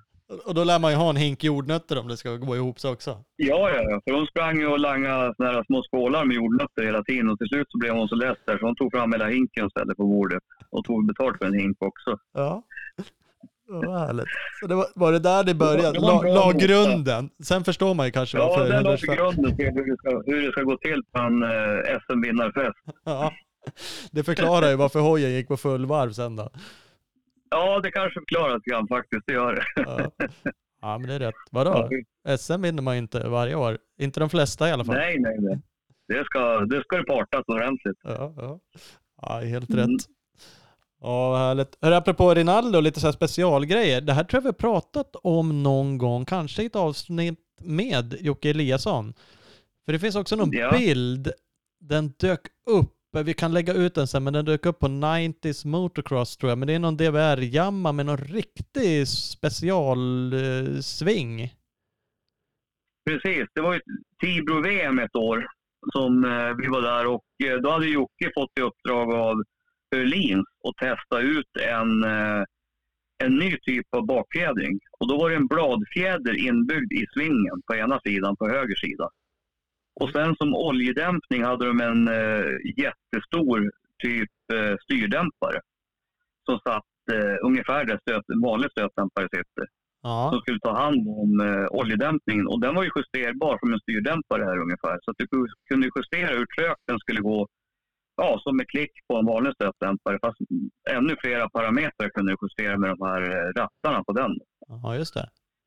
Och, det där blev ju ramaskri i, i, i Tibro. Där, för då kom ju alla fabriksteamen var ju där och försökte att titta och fota och fundera och fråga ut och, om vad det, vad det där var för något. För det var ju något helt nytt som var väldigt konstigt tyckte alla. Ja. Så det, det var stort intresse där. Och då kom ju vi med i ja, världspressen vad det gäller motocross med, med våra dekaler också där när Jocke hade den här hojen och körde med. Ja, ja. Ja, det gäller att vara med på rätt ställe. Nej, men det finns någon bild och svingen är ju mega feta, men det är ungefär som att man tänker sig att man har tryckt i en bilbladfjäder i svingen. Liksom. Så den ser- Precis, precis. Nå, något sånt där. Det var ju en bladfjäder i, i alla fall. Det var det. Jag Men det mig- blev väl aldrig någon hit det där. Nej, men Ja. jag har för mig jag har läst ganska nyligen att de testar det där fortfarande. Om det var KTM som höll på med något bladfjäder. Ja, jag har också någonstans har jag hört eller läst att de håller på med en kolfiberbladfjäder. För den här stålbakfjädern som låg i då, den var nog säkert ganska tung. Ja, det är väl det som är... Så nu har de byggt något liknande och provat med kolfiber. Går, går ju att göra nättare med samma spänst kan jag tänka mig. Och eh, bra mycket lättare också. Eller eh, ja, min, både mindre och eh, lättare då, Ja. än vad den där var. Så det kan nog stämma. Det är ju ändå lite coolt som sagt, även om det är, men det är lite samma tanke då, men andra grejer. Men det är ju ett tag sedan som det där, 96 tror jag det där var som sagt, så att det är... Eh, Precis. ja, men det där är ju...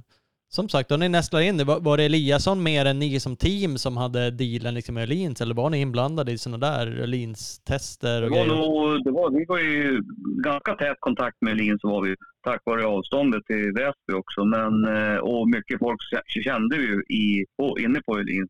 Mm, Men just den där grejen, den tror jag faktiskt att han hade fixat dealen på själv. mm, Eller de hade rent av frågat honom. För han, Eliasson var ju väldigt tuff åkare. Han åkte ju otroligt hårt på hojen. ja, Och då tänkte väl de att håller du till Eli- Eliasson, då håller du till vilken förare som helst att åka med. ja.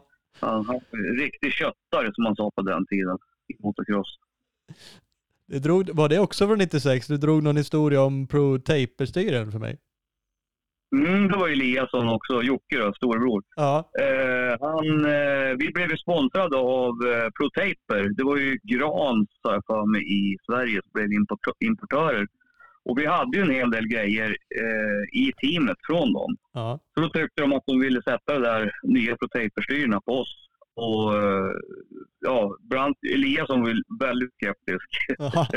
inte. Knaka med styre utan fågelpinne liksom. Det kommer aldrig att hålla. Nej. Men eh, både ProTaper och Grans och vi eh, lovar ju dyrt och heligt att det där kommer att hålla. Det går inte att ha. Det är helt omöjligt. Ja, Men det tog bara 5-10 minuter på första träningen så hade han lyckats ha av ett styre.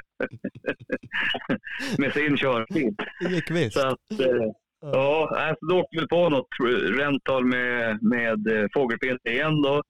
Och sen så när vi kom tillbaka sen på veckan efter fick man faxa, gjorde man på den tiden.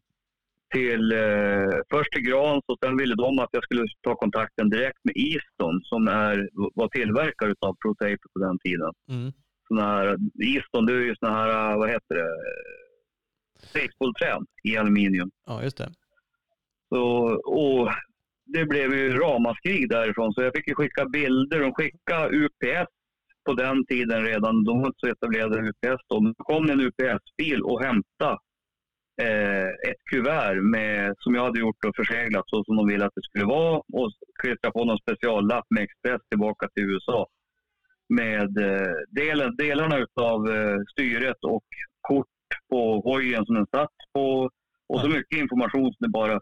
För det hade de aldrig varit med om. Och de hade ju prånglat ut tusentals styren redan på den tiden. Ja, man Så kan att, tänka sig eh, att de hade gjort det och testat det och... Ja, ingen hade lyckats ha av Oavsett hur de hade vurpat med hojarna eller vad som helst hade aldrig styrena gått över. Eller gått av. Men det gjorde det för Eliasson. Det krävs en brutal svensk liksom. Det går. En brutal svensk, exakt skogshuggare. Då, då, då håller ingenting sånt där. Eller? Ja. Ja. Ja. Fick ni, fick ni han åka med det igen då? Eller var det slut där? Det blir... Nej, jag tror aldrig att han satte på något sånt där några flera gånger. Det gjorde han inte. Nej. Nej, det Det skulle klart. vara med fågelskinn. Ja, precis. Det är beprövat. Det går inte. Ja, Ja, ja, ja. ja det är roligt. Kul historia ändå. Mm. Eh, men om man eh, trillar iväg då, för sen som sagt, team 96, alltså 95-96 fram till 00 där någonting. Eh, Vi framförallt. hade ju en viktig grej också som vi drev, jag och Björn också drev här i Uppsala. Det var ju inomhusbanan på den tiden. Ja, just det. Och det var väl Europas enda inomhusbana, eller permanenta inomhusbana vad jag vet i alla fall på den tiden också. Ja.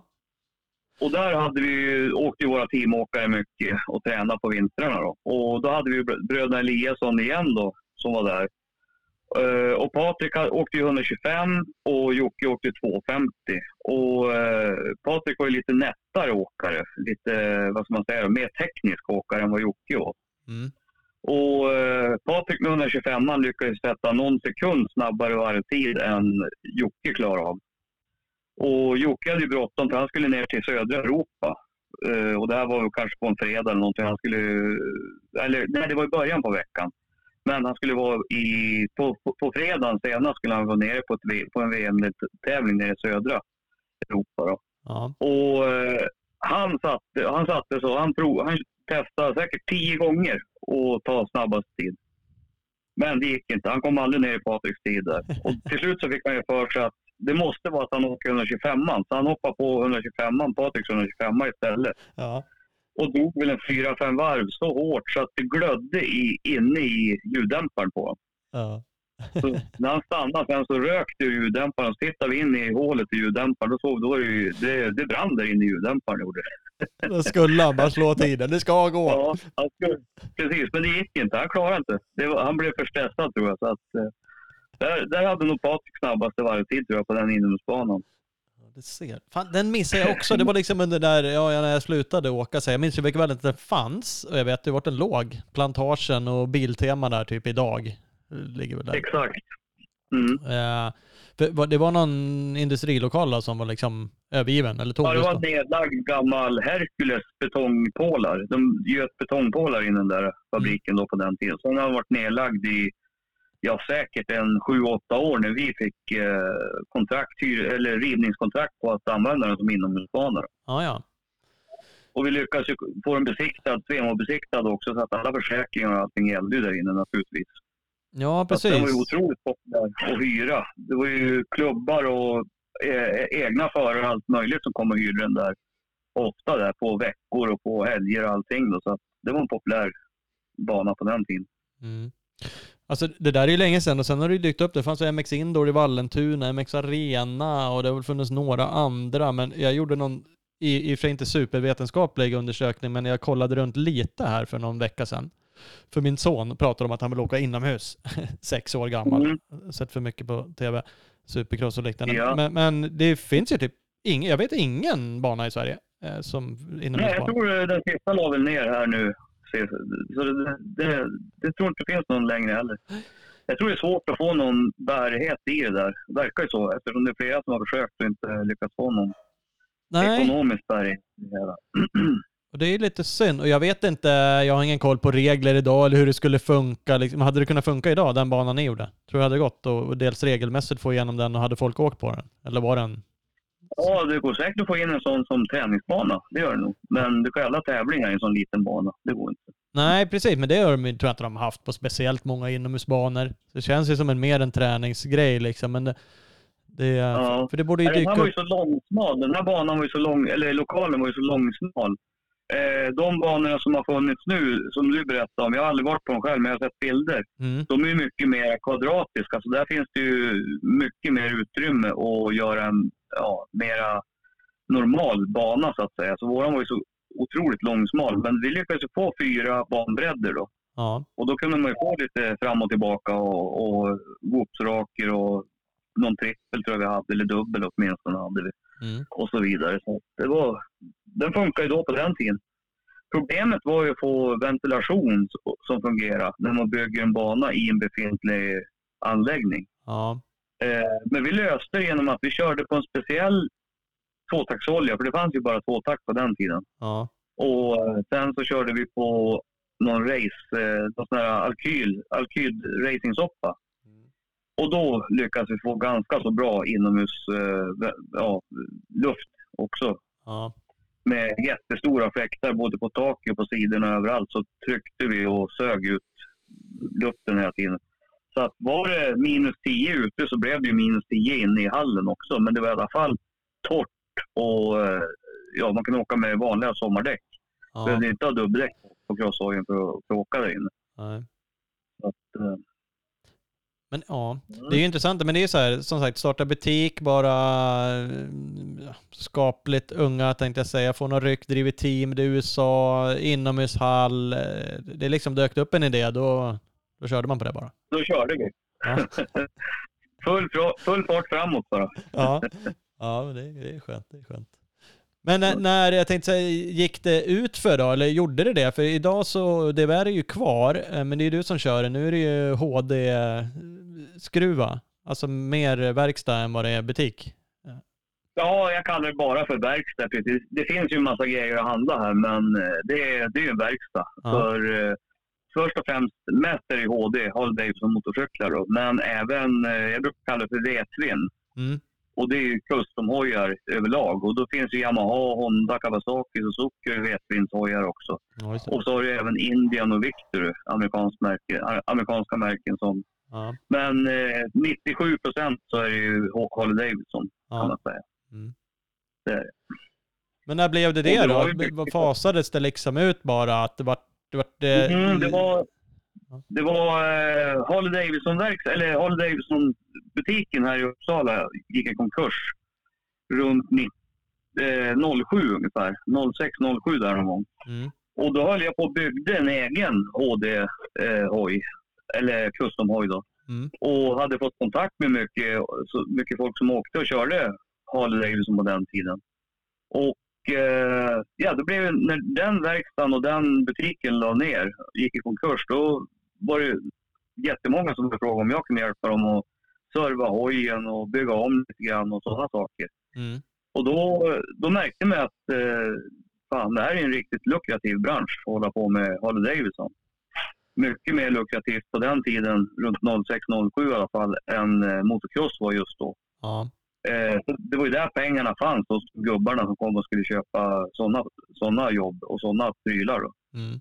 Så jag körde ju parallellt i många år, kanske i fyra, fem år körde jag parallellt motocross och eh, customhojar. Mm. Men det blev ju att till slut så var det så otroligt stor skillnad med i, rent ekonomiskt att köra Harley Davidson mm. och customhojar så att det, det blev 100 procent till slut efter det. Ja. ja, men så är det. Det är väl en, en bra målgrupp kan jag tänka mig gubbar Otroligt. som köper HD. Lite, ja. En annan ålder, en annan ekonomi, en annan... Ja. Så att det, det ja, kan jag köpa. Och kanske lite lugnare, ja. kanske lite mindre hetsigt eller kommer in eller reklamera ja, eller ju... i detaljer. Jag var ju van att allt skulle vara klart på torsdagen, för på fredagen åkte de, ja. crossåkarna, till tävlingar. Så torsdagen var ju absolut sista dagen. Ja. Men eh, här är ju bara, ja men ja, ja, blir den klar nästa vecka så är det ju bra. Ja. Det, det är som du säger, det är absolut ingen stress i jämförelse. Nej. Men eh, å andra sidan har man ju fortfarande det, den, de rutinerna man beställer hela tiden när man har eh, beställningar och så vidare och, få, och försöker få tag på och försöker få hem snabbt. Ja. Så snabbt det bara går. Och det uppskattas ju otroligt bland eh, de här, den här custom-åkargruppen. Att de får grejerna, det kommer så fort hela tiden. Och det har man ju från motocrossen. Att det var ju tvunget att komma, fram, komma hem och gärna onsdagen så man kan skruva dit det och få allting i ordning tills på torsdagen. För på fredag morgon så drog man ju till tävlingen. Ja. Ja, det kanske är en bra kombo då. Ha, ha med sig det där, liksom, vetskapen att det, det, det går att beställa eller liksom den snabbheten i, i, i processen. Men egentligen är det ingen som... Och sen är det även, rent tekniskt att skruva en HD jämfört med att skruva en crosstoy.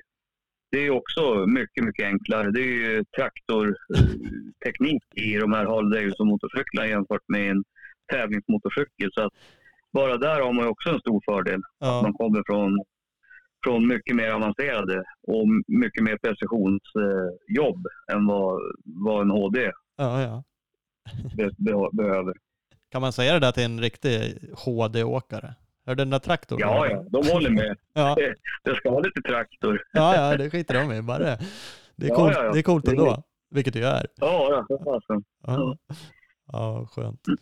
Ja, men det är roligt. Men det var kul att se det på mässan som sagt. Vi, eh, jag ska försöka få ut två YouTube-filmer och gå igenom de hojarna du gjorde eh, i ordning. För då, mm. du fick ju faktiskt kontakt med, med Rinaldi och gänget och Uh, vad, heter de där Pro Carbon, alltså det sitter ju kolfiber och det är Rinaldi fixad motor på den hojen ur ordning där, den nya. Precis, och sen har du CRM Carbo. Han är ju också italienare där nere och eh, titanskruv och titanaxlar. Allt som man får ha titan sitter ju på den också. Så att, eh, ja, den är ju, och så GYTR Kit som är grunden på trim, trimdelarna Ja. på motorn. FMF, eh, jag har gjort den som en Eli Tomac eh, vad det gäller utseendemässigt och, eh, och de bitarna. Så att då är det ett FMF-system som sitter på också. Mm. Sen de här Kite, det är också en gammal leverantör från början. De hette ju något he- helt annat på den tiden. Aluminium, det är en aluminium...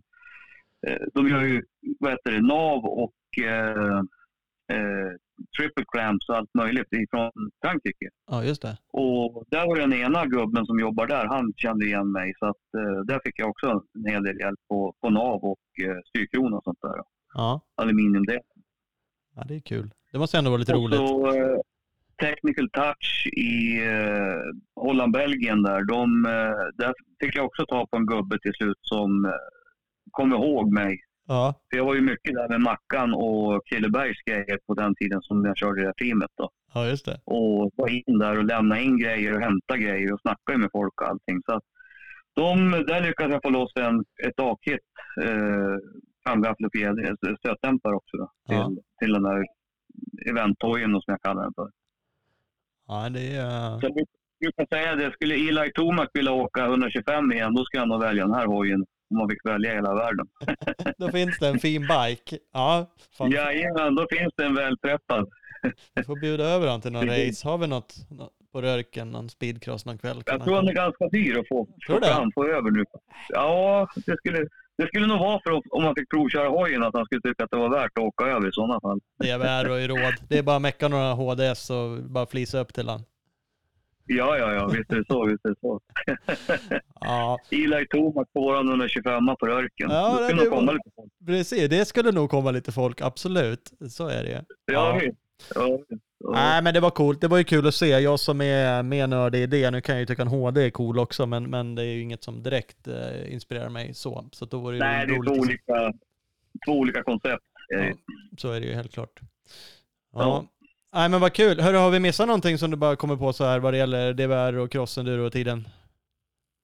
Nej, jag tycker nog att... Eh, ja, jag, jag, vad jag kan komma på så är det nog, har vi nog nosat i det mesta faktiskt. Det har vi gjort. Mm, mm. Du får en snabb fråga. Den har vi haft ibland som snabbfråga till våra gäster och det är för att Ola skrev så här. Gillar att spela hög musik i sin rockbod. Ja, visst. Jo, men det är också ett intresse som jag har. Jag vill ju... När det gäller musik och hårdrock framför allt som jag gillar, då vill jag ju inte bara höra musiken bra, utan jag vill ju känna musiken. Ja, Jag vill känna trycket i, i bröstet när man drar på ordentligt. Så att den är ju väldigt vulgärt utrustad, en liten eh, friggebo på Jaha. tomten. Där, det, eh, där det finns, eh, nu ska vi se här, det är två stycken 18-tummare, det är två stycken 15-tums basar och så två toppar med 12 tum och horn i. ja. Och sen tror jag det är 4 4800 watt i alla förstärkare och slutsteg tillsammans. Det låter När jag började dra på allting där så slocknade ju fasen hela tiden. Jag hade ju en fas indraget där, så jag fick ju dra in tre fas och fördela ut förstärkarna på alla tre faserna. Så nu, nu pumpar det på ganska rejält i den där rock på. Ja, Men det, är ju, det är ju hörselkåpor på när man kommer in där. Det går ju inte att sitta utan, för det är ju lätt 130-140 decibel kan jag dra upp i. så du väckte grannarna inne i stan där med hojar och nu, nu jävlar är det rockmusik. I stort sett, precis. Det var väl någon granne som kom och fick, fick reda på att det är i den där friggebon som det låter på ibland på sena kvällar och nätter. Precis, Vart fan är det Och konsert? Hon. Från, från frun i huset berättade att hon hade väckt karln och berättat att det måste vara konsert inne i stan. Hör du hur det låter? Ja, men det är bra. Det huset ligger väl på 250 meter från oss. Så att, jo, men det går att pumpa på. Mm, mm. Vid ett tillfälle när jag gick in i friggebon så var det, ja, det var 10 centimeter nysnö på taket. När jag gick ut efter några timmar sen så var det helt bart. Det fanns inte en snögnutta kvar på taket. Det är perfekt, då behöver man inte skotta. Nej, precis. Skottar Ja. av sig själv. Det är skönt. Precis. Men då kommer ju Nej, frågan det då, favoritartist eller grupp? Ja, det är väl rätt så många egentligen, men absolut favorit kan jag nog säga är... Det måste bli Metallica. Ja. Och tidiga Metallica. från 80-talet. Ja, ja, precis. De kommer väl till Ullevi nu va? River av två set var det någon som sa till mig. Ja, Två precis. helt olika. Så där får man ju nästan se till att försöka vara med, åtminstone på ett sätt. Ja. Den som på lördagen. Precis, du får ta det tidigare då. Så att du får med dig det. Ja, exakt, exakt. Ja. Ja, men härligt. Hörru, stort tack att vi fick eh, snacka lite gamla minnen här. ja, men det var jättekul. Tack själv. Det är superroligt. Så, eh, Och få hälsa till Tryckrossa endurovärlden i Sverige. Det har varit roliga tider med alla. Ja, men det är härligt. Det behövs ju det här. Det kommer ju att gå lite team och sådana här saker ändå liksom. Men det är, det är ju härligt när det satsas. Det gillar man ju. Ja, precis. Så nu får, någon, nu får flera ta över också och köra några riktigt fina flashiga team framöver här också. Precis, det är det vi behöver. Ja, men det är Ja. bra. Ja, men vi kör på det så hörs vi av er. Ja, men det gör vi. Ja, bra. Tack och hej. Tack, hej. Där har vi det, avsnitt tre av MX Star Podcast. Stort tack till alla som lyssnar. Det är ju helt eh, fantastiskt att ni fortsätter lyssna, fast det bara är jag, Thomas, som hörs och inte Ola mera. Eh, jätteglad, jättekul att få eh, meddelanden på sociala medier, eh, eh, mail, så att hör av er om ni har några gäster, om ni vill ge ris eller ros, eh, så eh, blir jag ju evigt tacksam för det. Eh, Tack det var Janne för dagens avsnitt och vi säger väl helt enkelt eh, tack och hej och eh, rullar lite Metallica Whiplash.